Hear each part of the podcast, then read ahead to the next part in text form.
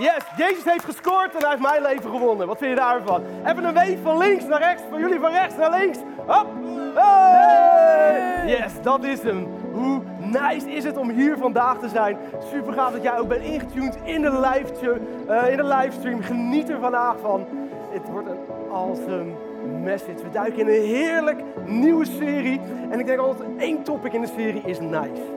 Maar als je zo'n hele serie volgt, is life changing.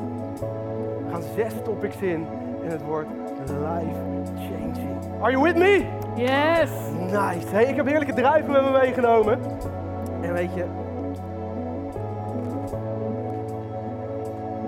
ze zijn zoet.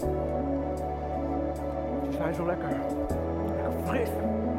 Ik hou van fruit en ik hou van die vruchten. Zo lekker. Het is soms net als je bij mensen bent. Soms kan je bij mensen zijn en bij hen in de buurt komt dat je denkt, als ik bij die persoon ben, is het zo lekker fris. Het zo lekker. Soms heb je ook wel eens dat je bij mensen in de buurt komt en dat je.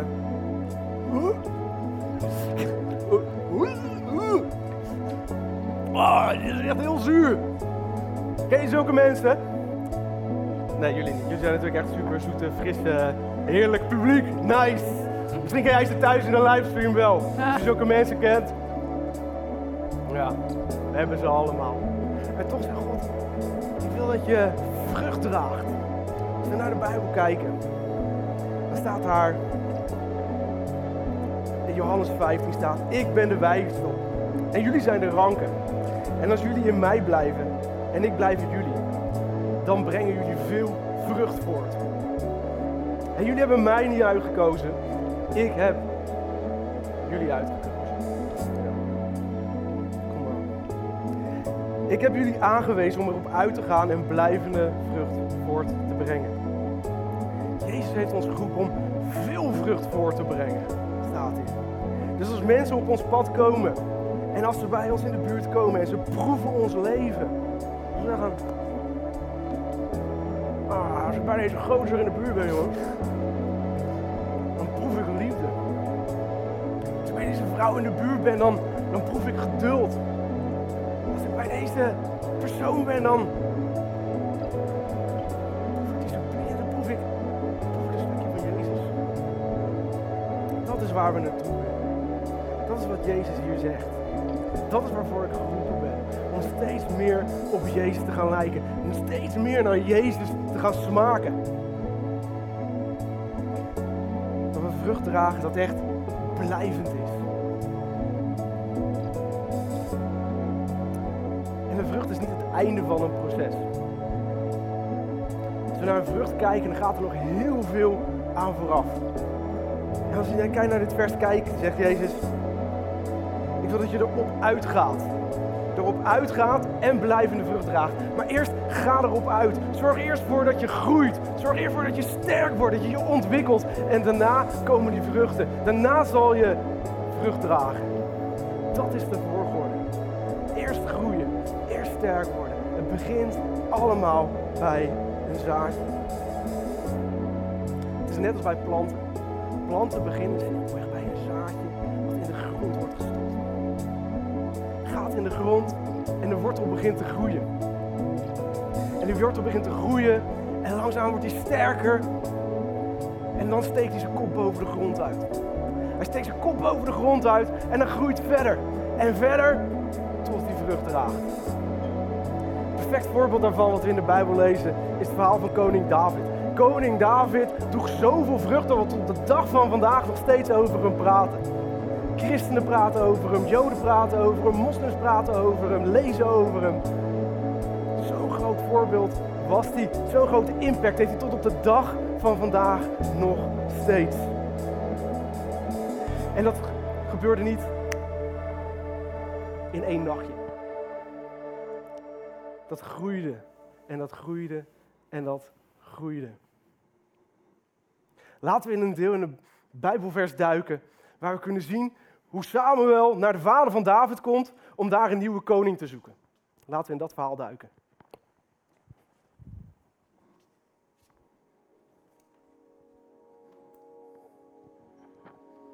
Toen zij arriveerden en Samuel Eliab zag, dacht hij: Dat moet de man zijn die de Heer heeft gekozen.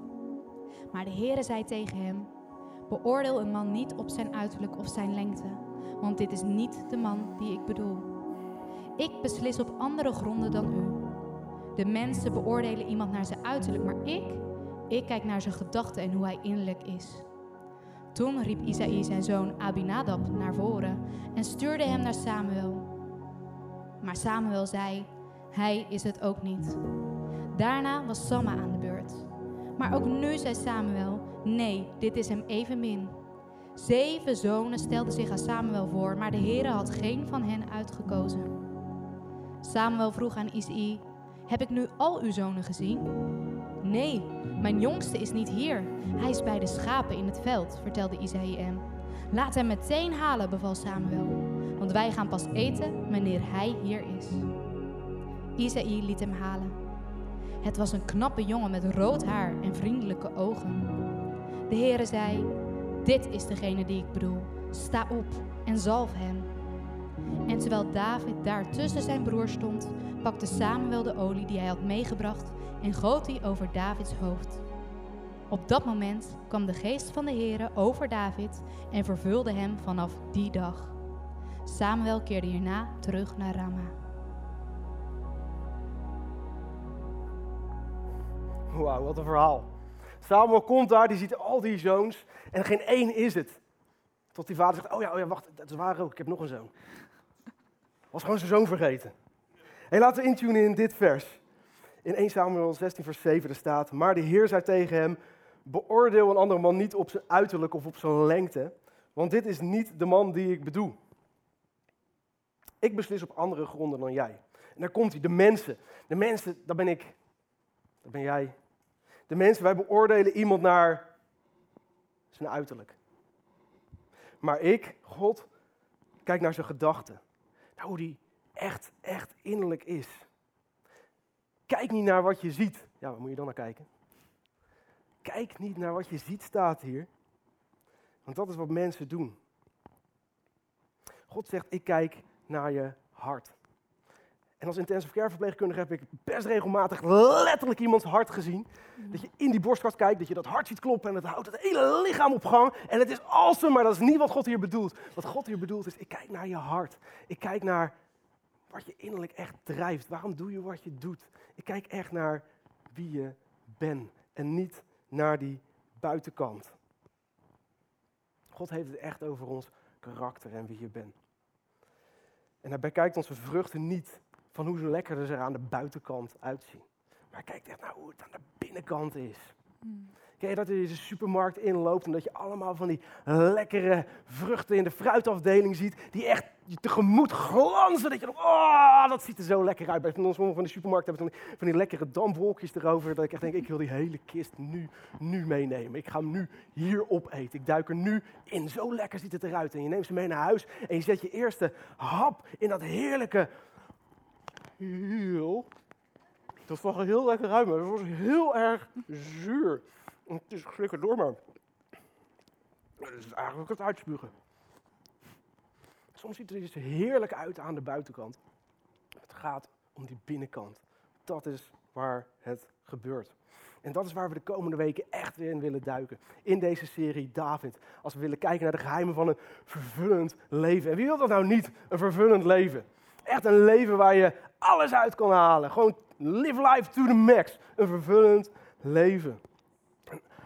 Laten we de komende weken echt in dat avontuur duiken. Ik zei net al, één topic is nice, maar zo'n hele serie is life-changing. Laten we echt zeggen, we gaan die reis in. We gaan hem maken en we worden er prof in. We worden er kampioen in. We worden er kampioen in het maken van die reis naar echt alles uit te trekken. Om ervoor te zorgen dat we die sterke wortels krijgen. Te zorgen dat we sterke wortels krijgen aan het einde van de serie. Als een ander persoon hier uitkomen. Als een ander persoon als kerk nog meer mogen groeien. En daar stappen in gaan zetten. Hoe gaaf zou het zijn als we dat zeggen voor de komende zes weken? Want zo vaak kijken we alleen maar naar de buitenkant. Toch? Zomer, de terrassen zijn weer open. Ik zit op mijn terrasje en geloof me, ik kijk alleen maar naar de buitenkant. ik open mijn mobiel en ik check mijn socials en ik zie eigenlijk alleen maar die buitenkant. Maar God kijkt naar je hart. God kijkt naar wie je echt bent. En dat is life changing. Laten we als kerk echt die stap maken en die reis maken. En zeggen, weet je, we willen die wortels voordat we die vruchten dragen. Roots before the fruits. Als je nu in de livestream zit, doe even jouw favoriete fruit-emoji langs laten komen. Weet ik veel, druiventrosje, appeltje, perzik. Gooi hem in de chat. Laat even weten dat jij ready daarvoor bent. Want ik geloof echt dat wortels voor het fruit komen. Dat het onzichtbare voor het zichtbare komt. En dat het echt de reis is die we eerst moeten maken voordat we uiteindelijk die prijs gaan krijgen. Dus zijn jullie ready om deze reis te gaan maken? Ja? Are you ready? Are you ready in the live? Chat, laat even weten dat jij ready bent. Deze, Ready. Ben jij ready Zeker om hierin te stappen? Yes. Kom neem mee. Yes. Ja, super nice. Het gaat dus om het onzichtbare, niet om het zichtbare. Het gaat om de roots before the fruits. En het begint allemaal met een super klein, mini prachtig zaadje. Wat er eigenlijk op de buitenkant helemaal niet zo spectaculair uitziet, toch? Maar wat hier binnen zit, is echt powerful. En dat zagen we net zo ook met David. Dat God de nieuwe koning uitzocht. En hij keek niet naar het uiterlijk, maar hij keek wat er binnen zat. En hij keek naar Gods hart. En toen zei God: Dit is degene die ik bedoel. Sta op en zalf hem. Want God zag de binnenkant. En wat zo bizar is aan deze pit, aan dit zaadje, dat alles wat de komende uren, dagen, maanden, jaren gaat gebeuren, dat al die potentie al hierin verborgen zit. Dat alles wat de komende jaren al hierin zit. Want een zaadje dat gaat de grond in, dat gaat groeien, dat gaat bloeien, het draagt vrucht. En in die vruchten zitten ook weer zaadjes die weer ervoor zorgen dat het hele groeiproces van begin af aan begint. En misschien kijk je ook wel zo naar jezelf dat je aan de buitenkant ook denkt, ja, wat voor potentie heb ik nou? Ik zie er niet zo spectaculair uit. Maar wat er van binnen zit, is heel bijzonder. Dus het gaat over en over en over again. En het is super vet, want het is precies wie onze God is. God kijkt altijd naar de generaties die nog moeten komen. Die kijkt naar ons en ziet wat de potentie wat erin zit. En wat er dan nog uit moet komen. En dat zien we ook bij David. David die dus als kleine herdersjongen ergens op het veld was. Zich heel klein voelde. Zijn vader was hem zelfs vergeten. Maar waarvan we weten dat het uitgroeide en uitbloeide tot koning David, die een voorbeeld was voor alle koningen die daarna zouden volgen. Dat hij echt de koning forever was. Zelfs tot de koning der koningen, Jezus. Jezus kennen we als de zoon van David. Zoveel power had David gewoon. En wat een legacy had hij nagelaten tot het moment dat Jezus kwam. En wat Matthias net ook al zei, David kennen we van alle psalmen die we vandaag de dag nog steeds zingen. En niet alleen wij, maar ook de Joden en de moslims kennen nog steeds al die mooie worship-uitspattingen van David. Die hij s'nachts in zijn kamer opschreef en danste voor zijn Jezus. Dat is echte worship en dat leren we nog steeds van David, koning David. Iets wat hij niet voor mogelijk had gehouden toen hij tussen de schapen en de geiten aan het, aan het hoeden was en er was. Nee, hij was koning David, maar het begon allemaal klein.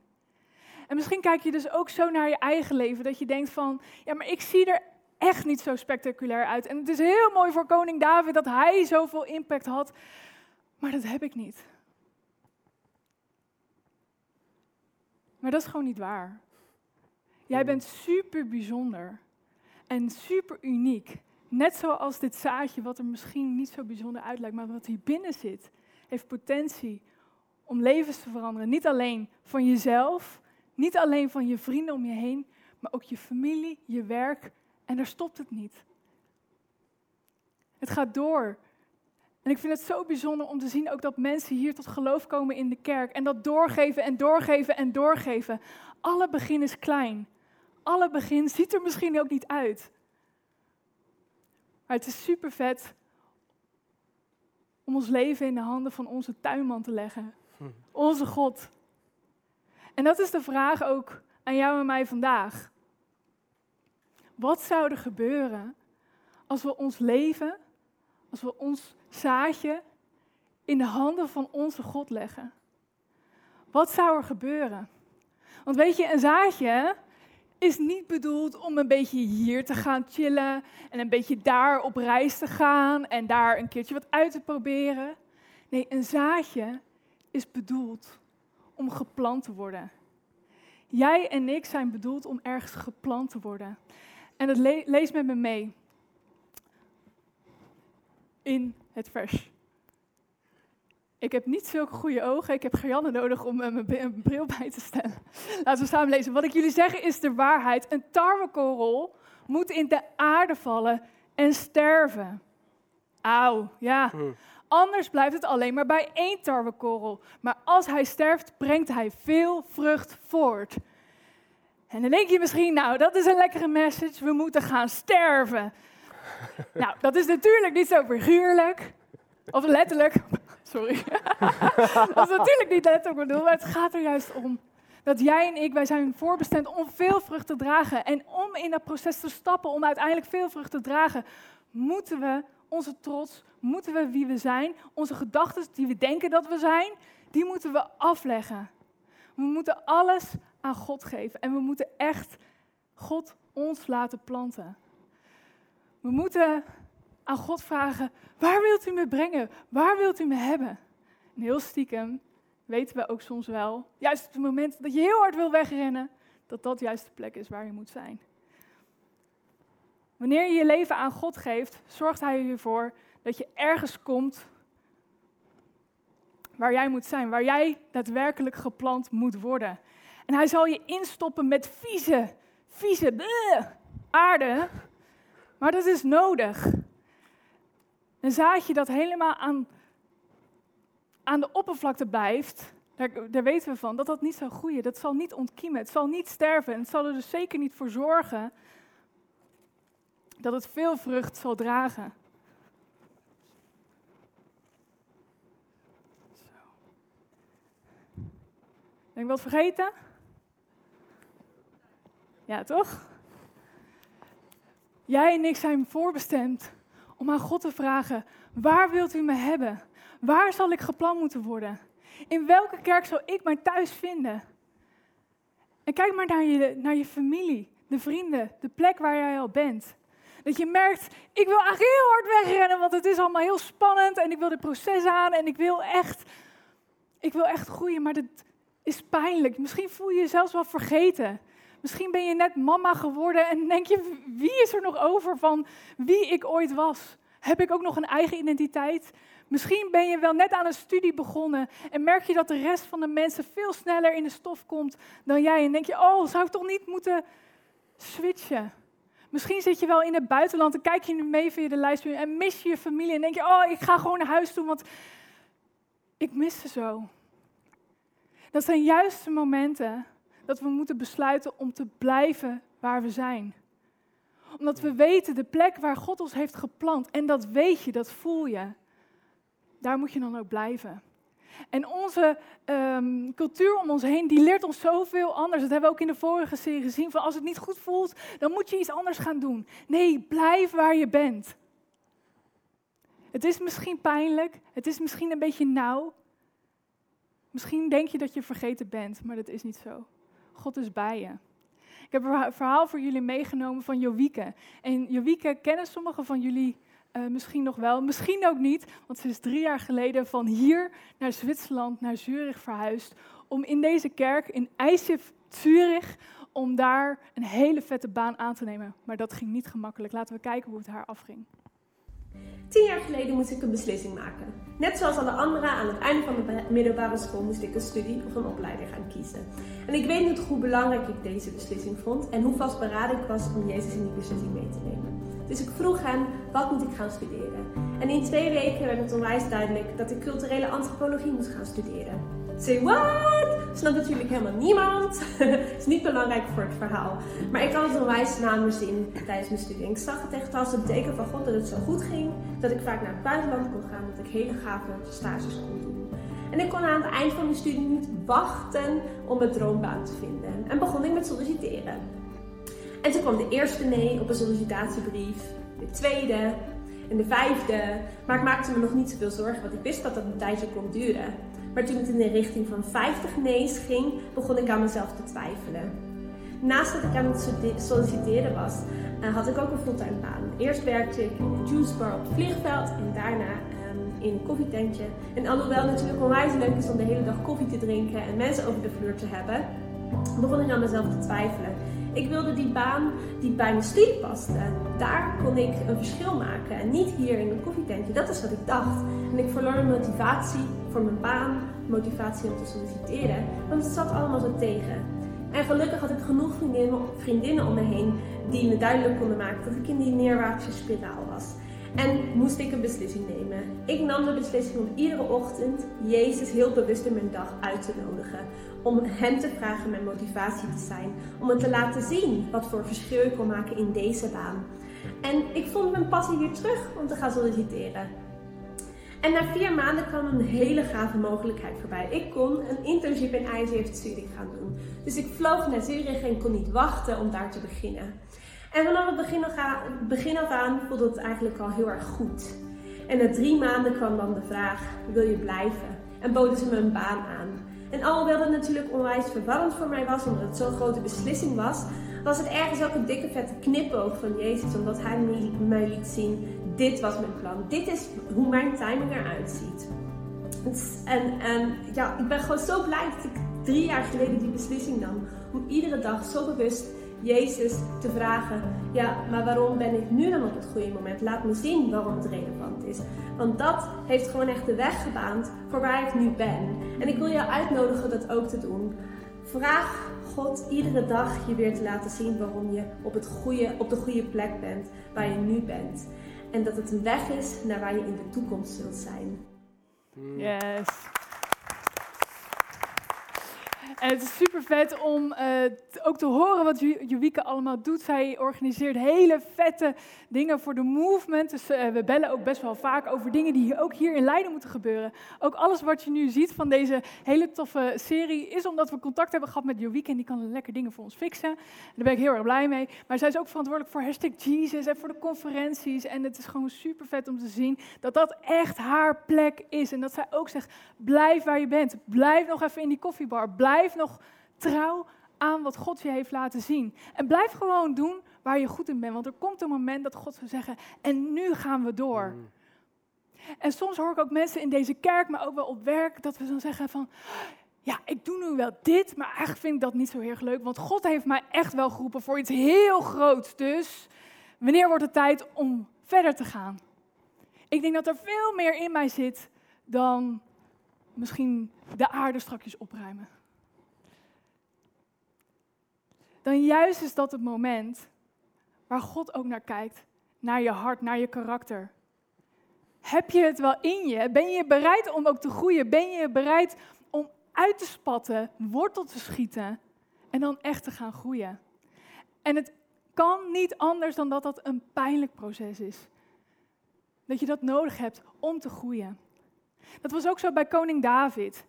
Alles wat hij goed deed later als koning, was omdat hij dat had geleerd op het veld, bij zijn schapen, bij zijn geiten. Had hij van tevoren ook niet gedacht. Maar soms zijn er van die momenten dat we, dat we niet doorhebben dat God ons een les probeert te leren. Heel belangrijk, geen lesje probeert te leren, maar een les probeert te leren. Mm.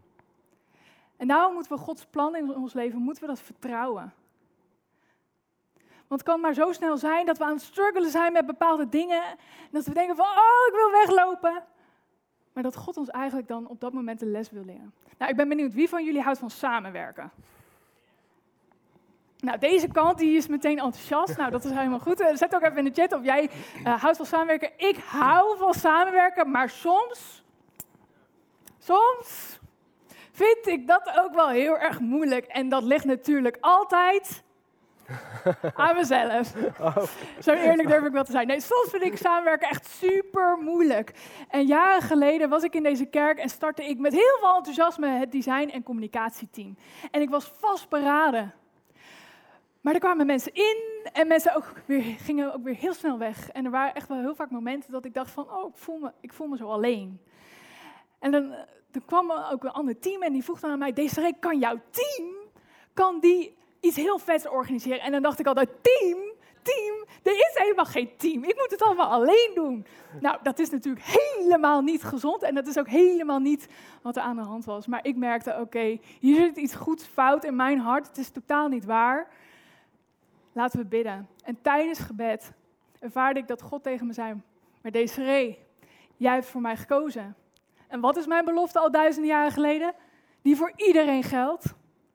Dat ik altijd bij je ben.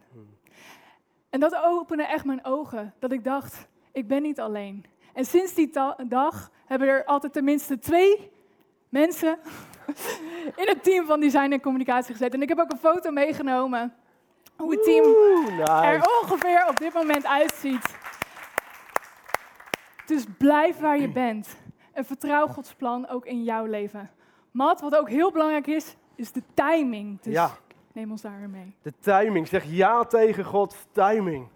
Kies ervoor om echt te zeggen: Oké, God, ik leg die tijd in uw handen.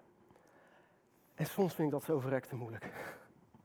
Soms vind ik het zo moeilijk om te zeggen: Oké, God, het is uw timing, niet die van mij. En af te wachten dat ik die doorbraak maar een keer zou gaan krijgen. En af te wachten tot ik eindelijk eens een keer die lekkere vruchten zou gaan dragen. En toch wil ik er iedere keer weer opnieuw voor kiezen om te zeggen, oké God, ik leg die timing in uw hand. Zeg ja tegen Gods timing. Want op het moment dat je naar anderen gaat kijken, ga je, voor je het weet, allerlei rondjes draaien en denk je... Ik las laatst de biografie van Martin Luther King. Die heeft op zijn 35ste een Nobelprijs gekregen. Ik ben 34. Nou, Ik heb nog een jaar. halfjaartje de tijd. Jongens, hebben jullie tips en hints hoe ik over een half jaar de Nobelprijs binnen kan slepen? De wereldberoemde schrijver J.K. Rowling schreef op de 33ste het eerste boek waar ze in klap wereldberoemd mee werd. Oprah Winfrey. Met een geweldige talkshow. You get a car, you get a car, you all get a car. Begon op haar 32ste. Ik heb de afgelopen drie jaar nog geen één auto uitgedeeld. En voor je het weet ga je je vergelijken en vergelijken. En, ga je rondjes draaien en denk je, weet je wat? En wil je het heft zelf in handen nemen? En steek je je kop boven de grond uit. En zeg je, weet je wat? Ik ga even naar boven kijken om te zien wat ik er zelf aan kan fixen. Op het moment dat we ons gaan vergelijken met anderen, wordt het gat alleen maar groter en groter van de plek waar jij nu bent en wat je bij hun ziet. En je steekt je kop boven aarde, maar de dirt, het zand, Mm. het aarde, je bent nog helemaal niet ready. Het ligt er nog allemaal bovenop. Ken je mensen misschien om je heen die baas zijn geworden of ergens leiding of- over mochten gaan geven terwijl ze eigenlijk nog niet ready waren omdat er nog fel op hun hoofd lag? Misschien ken je wel mensen die trouwden of al kinderen kregen waarvan je dacht, je bent nog niet ready. Blijf nou, blijf er nou onder en wacht tot God zegt, dit is het juiste moment. Dit is de juiste timing. Dit is het moment om te doen. Wacht erop. Want als je niet wacht, dan ga je dingen doen waar je nog niet klaar voor bent. Waar je nog niet klaar... Ooit zou je er echt dikke vette klaar voor zijn. Maar nu nog niet. Als we kijken naar het verhaal van David, had hij zoveel kansen om te zeggen, weet je, die koning Saul zit achter me aan met zijn allerbeste commando's, met zijn special forces, een leger vol zit hij achter mij aan. En hij had meerdere keren de kans om die Saul te doden. Hij tegenover hem stond en Saul lag te slapen en dat hij dacht, ik kan hem nu doden. Maar David koos ervoor om dat niet te doen, want hij zei, dit is mijn timing. Maar ik wil wachten op God zijn timing. En ik eer dat ook Saul een, een gezalfde koning is. En ik wacht op het moment waarop God zegt, dit is het juiste moment. Wacht op zijn timing. Laten we ja zeggen tegen zijn timing. En als laatste, laten we ja zeggen tegen het onzichtbare. Mm. Laten we ja zeggen op het, tegen het moment dat we onder die grond zitten. Dat we niet zichtbaar zijn. Dat we ons misschien onzichtbaar voelen. En denken, wat heb ik hier nou te zeggen op de plek waar ik nu op dit moment ben. Juist op die plek, onder de grond, waar niemand je ziet, dat is de plek waar God aan je hart werkt. Dat is de plek waar je echt groeit, waar je echt ontwikkelt. Waar je echt die wortels groeien in die aarde. En dat je sterker zal groeien dan ooit tevoren. Zodat je ready bent om strakjes boven de David werd ook niet gezien. Kom on, niemand kende hem. Zijn vader wist eigenlijk niet eens meer dat hij er was. Oh ja, dat is waar ook. Ik heb nog een zoon die is bij de schapen. Haal die dan maar. Maar hij was bij de schapen om daar een les te leren. Hij was bij die schapen om ze te leiden. Hij was bij die schapen om ze te beschermen. Hij was bij die schapen om te vechten met, met beren, met leeuwen. Hij wist hoe hij moest leiden, beschermen en vechten. Allemaal grote topics die hem sterk maakten in zijn hart. Die echt verzorgden dat hij wortels kreeg, die hij later als koning kon gebruiken, waardoor hij later een koning werd. Die meer land innam dan welke koning in Israël dan ook. Die later een koning werd waar we tot op de dag van vandaag nog steeds over praten. Als de grote koning David. Blijf onder die grond in het onzichtbare. Als God zegt dat je nog niet ready bent, ben Wacht op zijn timing. En hij zorgt ervoor dat je hart sterker groeit. Sterker groeit dan ooit eerder. Ik wil zo vechten zoals David vocht. Ik wil zo vechten zoals hij bij die schapen weer zat. En toen hij met zijn schapen bezig was, had hij nog geen flauw idee dat hij ooit koning zou worden. Had hij nog geen flauw idee dat hij ooit met een reus zou gaan vechten. Hij deed gewoon wat hij moest doen op dat moment. Hij was beschikbaar. Hij zei, ik ben beschikbaar. Ik dien op de plek waar ik nu neer ben gezet. Dit is de plek waar God me nu wil hebben. Ik ben gehoorzaam wat hij tegen me zegt en ik ben beschikbaar.